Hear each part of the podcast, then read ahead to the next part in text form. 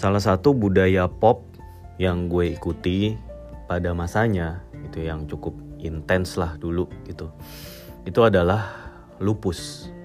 Ini bukan lupus penyakit ya tapi ini adalah lupus sebagai karakter atau tokoh utama dari sebuah novel kumpulan novel cerita yang ditulis oleh Hilman Harwijaya almarhum yang baru beberapa hari lalu uh, diberitakan meninggal dunia karena komplikasi penyakit yang dideritanya.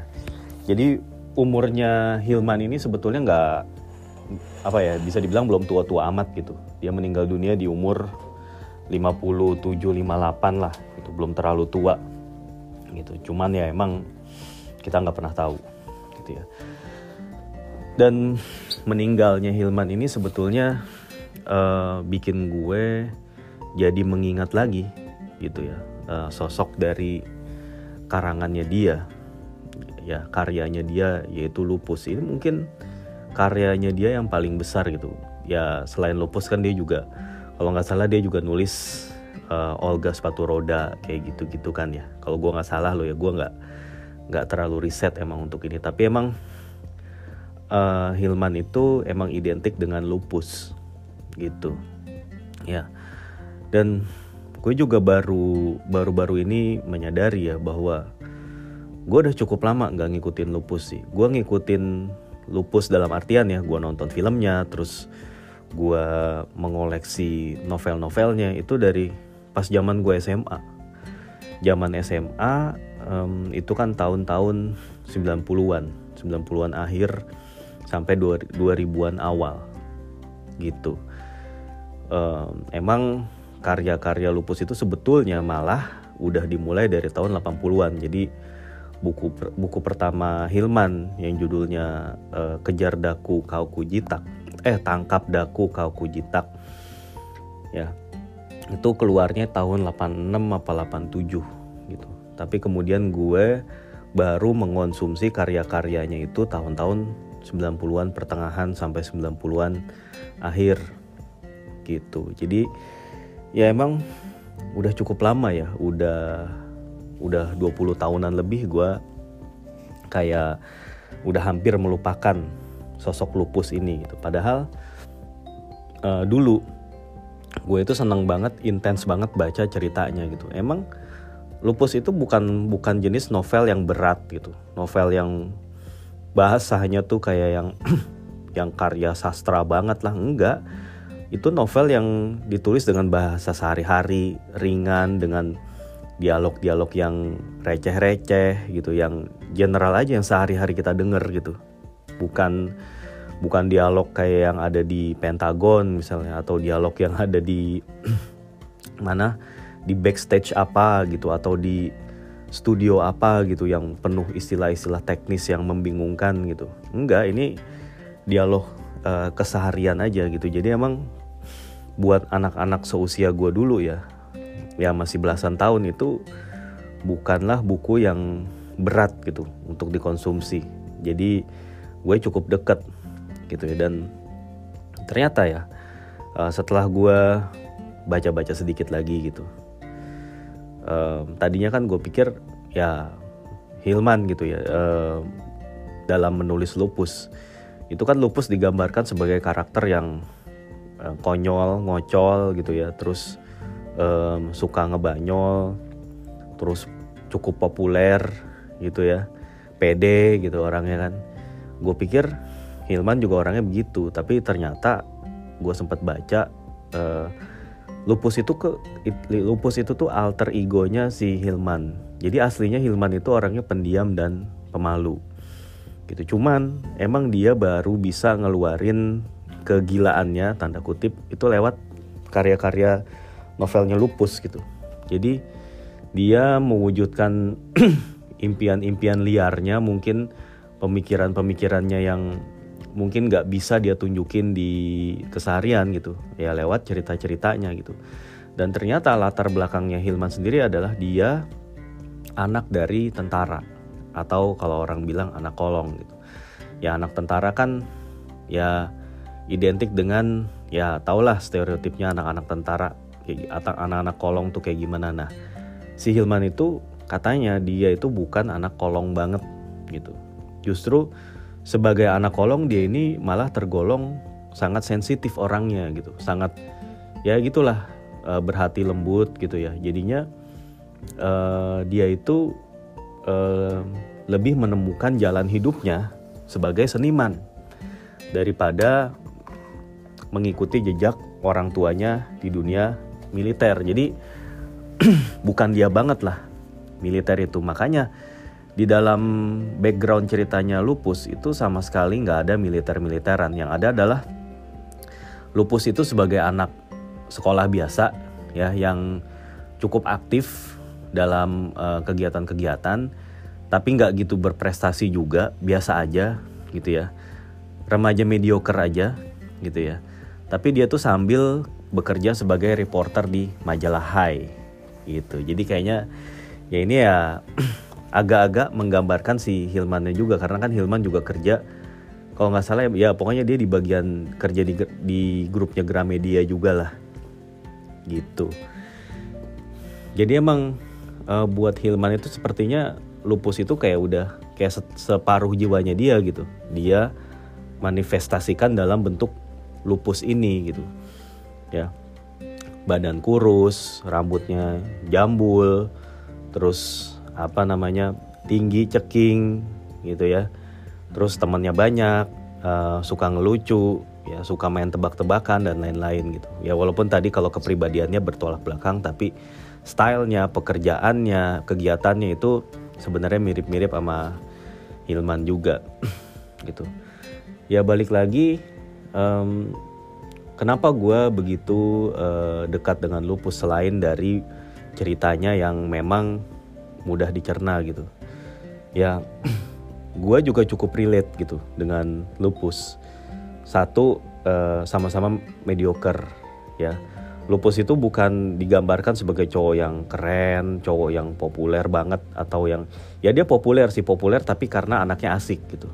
Bukan populer karena prestasi. Kan ada juga ya orang yang populer karena emang uh, berprestasi atau beredar di mana-mana. Ya lupus sih lebih ke yang beredar di mana-mana dan orangnya menyenangkan aja gitu. Jadi temannya banyak gitu. Tapi sebetulnya dia bukan tipikal anak yang talented banget yang berprestasi akademis atau punya keahlian dalam olahraga atau uh, seni gitu. Nggak yang gitu-gitu banget anaknya. Anak anak biasa gitu. Jadi ya emang sedikit mengingatkan pada diri gue yang dulu gitu. Jadi ya makin relate lah. Udah gitu lupus itu bucin gitu ya. Uh, dia itu uh, termasuk cowok yang tipikal mau ngelakuin apa aja demi ngedapetin perhatian itu cewek. Cewek yang dia sukain gitu. Ya bedanya kalau gue dulu bucinnya gue ya malu-malu malu-malu maluin gitu. Nggak nggak ada nggak ada make a move yang gimana banget gitu. Nah kalau lupus ini tipikalnya dia cowok uh, bucin tapi ya dia bener-bener make a move ke cewek yang uh, apa ya yang kalau dari secara uh, ini ya secara pergaulan secara ya lo tau lah uh, tingkat gaul atau tingkat uh, gimana gitu ya uh, ya pokoknya cewek yang di atas dia lah gitu cewek yang cantik yang populer yang pintar makanya uh, pacarnya dia itu kan yang kayak siapa namanya? Si Poppy. Terus pernah deket juga sama cewek yang namanya Prudence uh, yang namanya Happy yang namanya banyak lah gitu. Artinya sebetulnya lupus ini juga seorang petualang juga dan apa dia kebanyakan juga bisa ngedapetin perhatian dari cewek-cewek yang dia sukain gitu.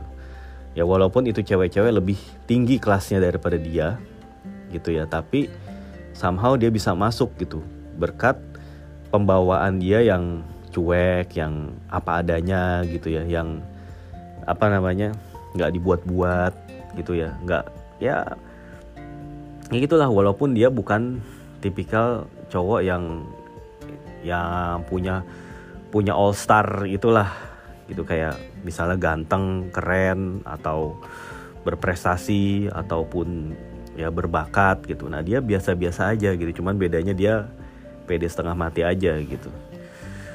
Nah terus nah yang gue juga bikin teringat sama karakter lupus itu adalah dia seorang yang um, apa ya sangat orangnya itu setia kawan gitu. Dia mementingkan persahabatan banget gitu. Dia bener-bener care sama dua sobat kentalnya Boim dan Gusur. Gitu. Dulu gue inget di film film lupus itu kalau serial ada dua ya. Jadi film lupus yang lupus doang. Oh nggak salah ya. Sama satu lagi yang lupus milenia. Kalau yang lupus doang itu yang jadi pemeran tuh yang namanya Oka apa gitu. Sebetulnya emang lebih cocok si Oka ini ngegam apa namanya meranin sosok lupus gitu. Nah terus tapi kalau yang di lupus milenia yang main Irgi Irgi Farezi. Uh, terus uh, lupus milenia ini sebetulnya uh, apa namanya yang main itu artis-artis yang pada saat itu first string sih. Ada Agnes Monica ada Mona Ratuliu sebagai Poppy. Nah cuman yang nggak pernah berubah itu yang jadi si Bo Imam Gusur itu pasti uh, Fani Fadila sama Fahmi Bo gitu. Emang udah itu mereka berdua kayaknya udah nempel banget karakter Boim sama Gusur di situ gitu. Boim ini uh, Boim sama Gusur ini uh, lebih apa namanya ya sama-sama mediocre dengan sama kayak Lupus. Cuman ya mereka punya appearance yang nggak lebih baik dari Lupus aja gitu. Ya Boim itu digambarin kan hitam keriting gitu kan. Kayak uh, ceking gitu kayak cabai keriting makanya disebutnya gitu. Sering konyol-konyol ngegodain cewek gitu tapi nggak pernah dapet gitu. Begitu juga si Gusur gitu kan. Dia kan badannya gendut gempal gitu ya uh, orangnya puitis gitu. Kalau ngomong tuh pakai daku dikau gitu ya. Terus ya namanya gendut uh, hobi makan gitu. Dia tergila-gila sama cewek yang namanya Vivi Lone nah waktu itu yang meranin Vivi Lone di Lupus Milenia itu Ulfa. Nggak nyambung juga ya Ulfa Duyanti. Meranin Vivi Lone terus ada juga uh, nyit nyit yang uh, diperanin Fahrani. Itu keren sih waktu itu. Fahrani keren meranin si nyit nyit temannya lupus. Terus siapa lagi ya? Uh, Adi Darwis. Nah itu juga temannya salah satu temannya lupus juga Adi Darwis. Itu yang rambutnya merah gitu ya. Itu menurut gue juga yang meranin Adi, Adi Darwis itu si apa Herwin Effendi ya kalau nggak salah namanya. Itu juga keren tuh meranin Adi Darwis. Jadi emang lupus itu punya geng teman-teman yang lucu gitu kegiatannya itu diisi dengan kelucuan-kelucuan, kejahilan-kejahilan ke teman-temannya, termasuk ngerjain guru juga gitu. Dia suka datangnya telat, dia um, apa namanya, tapi dia bisa ngakal-ngakalin. Itu gurunya itu kan wali kelasnya dia sebut Mr. Pang. Ya, padahal nama nama lengkapnya Pangaribuan orang Batak. Jadi guru Batak yang galak gitu ya, disiplin, tegas. Tapi ya sama lupus suka diakal-akalin gitu. Ya pokoknya gitulah. Kisahnya emang hari-hari banget sih gitu. Salah satu uh, novel judul novel yang jadi favorit gue di lupus itu yang judulnya cowok matre. Nah itu jadi favorit gue sampai sering gue bawa buku itu ke sekolahan. Dan suatu ketika gitu ya ada seorang teman gue yang minjem buku itu lagi baca enak-enak baca tiba-tiba ada guru. Dan guru guru gue itu ya dia maksudnya udah tahu ada guru bukannya dia taruh bukunya itu di laci gitu ya. Gue ngelihat dia ya, ya kayak pasrah aja bukunya masih dibuka ditaruh di atas meja gitu ya. Dan akhirnya sampai gurunya tersadar dia lagi baca diambil tuh buku gitu. Ah on banget tuh orang. Terus cuman minta maaf doang sorry ya dit. Ya elah gitu. Sorry lu nggak mengembalikan buku gue tapi ya anyway it's just a book gitu. Gue akhirnya bisa nemu buku itu di perpustakaan. Akhirnya jadi uh, itu buku jadi kayak di, dihibahin ke perpustakaan uh, sekolah gitu. Ya nggak apa-apa lah. Tapi emang ya cowok matre gitu atau ya cerita-cerita lupus yang lain kan. Ada lupus kecil lupus ABG ya. Ya terus gue pernah baca juga yang judulnya iserem gitu. Itu juga dapet tuh kisah kisah seremnya itu lumayan gitu ya. Ada yang judulnya makhluk cantik di dalam bis gitu. Ya emang itu ceritanya 90-an banget sih ya. 90-an itu kan anak-anak sekolah tuh jalan kaki naik bis gitu kan. Terus ngegodain cewek kenalan sama cewek di bis gitu kan. Minta-minta nomor teleponnya gitu kan. Dicatat di duit nomor nomor teleponnya gitu. Itu kan nggak terjadi di generasi sekarang. Artinya mungkin kalau orang-orang apa anak-anak sekarang itu di apa ya disuguhin karya lupus gitu. Mungkin mereka akan apaan sih ini? gitu. Kayaknya nggak gua banget gitu nggak relate banget sama gua literally gitu kan. Dan jokes jokesnya kan juga udah bukan jokes yang apa namanya bukan jokes yang nyambung kayak sekarang gitu. Itu kan kalau jokes yang diomongin di cerita lupus itu kalau di omongin sekarang maksudnya gitu udah kayak terdengar seperti jokes bapak-bapak gitu jokes bapak-bapak yang nggak uh, lucu gitu. Tapi bukan jokes bapak-bapak yang macam ini sih. Uh, apa namanya puasa 40 hari makan indomie terus gitu nggak. Ya makan indomie aja sekardus gitu kan puasa 40 hari gitu ya. Itu tuh contohnya jokes bapak-bapak. Gitu. Ya terus um, apa ya apalagi ya? Uh, ya pokoknya lupus itu termasuk budaya pop tahun 90-an yang menurut gue cukup sukses menggambarkan era tersebut gitu. Seperti apa zaman-zaman sekolah kayak gitu, kegiatan-kegiatan anak-anaknya tuh kayak apa, dandanannya, perilakunya, obrolannya, omongannya. Itu emang bener-bener cukup ngegambarin uh, kondisi tahun 80-an, 90-an gitu. Jadi begitu juga uh, yang sering apa ya lagu-lagu atau artis-artis yang sering dijadiin back sound atau atau latarnya gitu kan. Kalau dulu waktu lupus milenia itu uh, theme songnya itu uh, Shalon Seven yang judulnya kita.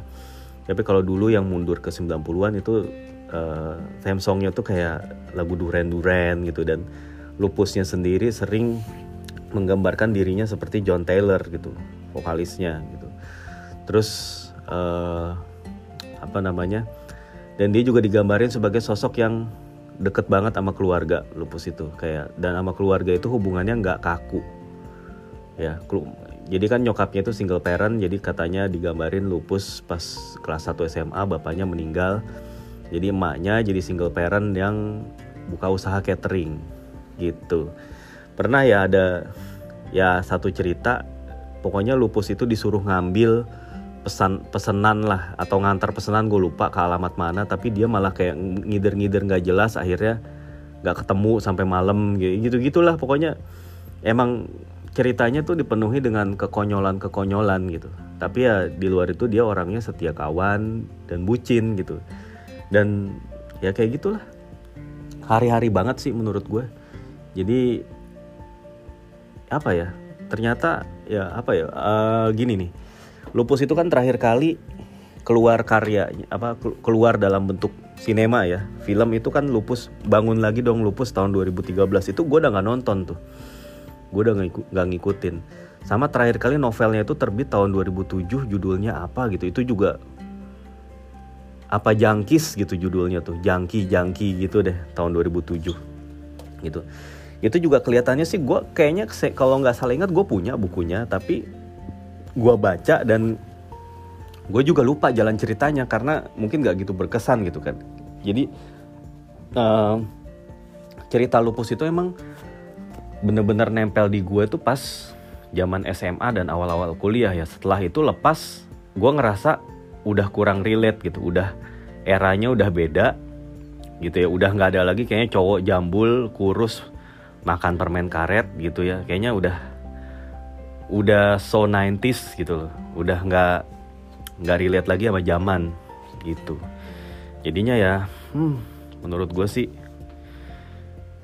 ya gitulah ya. Makanya gue jadi agak terlupa gitu. Sampai kemudian kemarin ada dengar berita uh, pengarangnya itu meninggal. Terus gue tapi jadi ingat oh ternyata gue sebut uh, sebelumnya tuh pernah segitunya ngikutin karya-karyanya gitu. Ya kan budaya pop lain yang yang begitu gue konsumsi apa maksudnya gue konsumsi dalam jumlah yang besar gitu. Maksudnya dalam sampai gue tahu banget gitu. Itu kan kayak Sidul, Harry Potter, uh, Warkop DKI itu kalau lu kalau gue ngobrol uh, ngobrolin film-film itu itu gue gua apal tuh. Gue bisa dibilang uh, penggemar dari film-film itu gitu tapi ya lupus gue pernah jadi fansnya juga tapi abis itu ada masa mereka tuh ya dia tuh hilang gitu. Nggak kayak kayak apa ya kayak si dulu itu kan tiba-tiba di remake. Terus kalau kayak si Harry Potter itu kan ya walaupun filmnya tuh udah habis uh, dari tahun berapa udah lama juga udah 10 tahun lalu. Tapi kan hype-nya tuh kayak somehow masih kedengeran aja sampai sekarang gitu. Atau Warkop DKI itu kan masih terus diputer tiap tahun gitu. Tapi kalau film lupus itu jarang gitu. Kayak ya tiba-tiba kayak dianggap hilang aja dan ya sekarang ya karena pengarangnya itu meninggal ya orang kayak jadi ingat-ingat lagi dan mungkin uh, orang bakalan ingat sekarang-sekarang ini gitu ya. Sekarang-sekarang ini. Tapi nanti coba berapa bulan lagi orang pasti udah kayak lupa gitu. Tapi gue sih berniat untuk nyari lagi koleksi buku-buku lupus gue gue kemarin ke rumah nyokap untuk ngambil tapi gue cuman ketemu satu doang bukunya gitu. Entah pada ke mana tuh. Mungkin uh, kalau misalnya sampai nggak ketemu juga gue pengen coba kumpulin lagi cari-cari di online marketplace.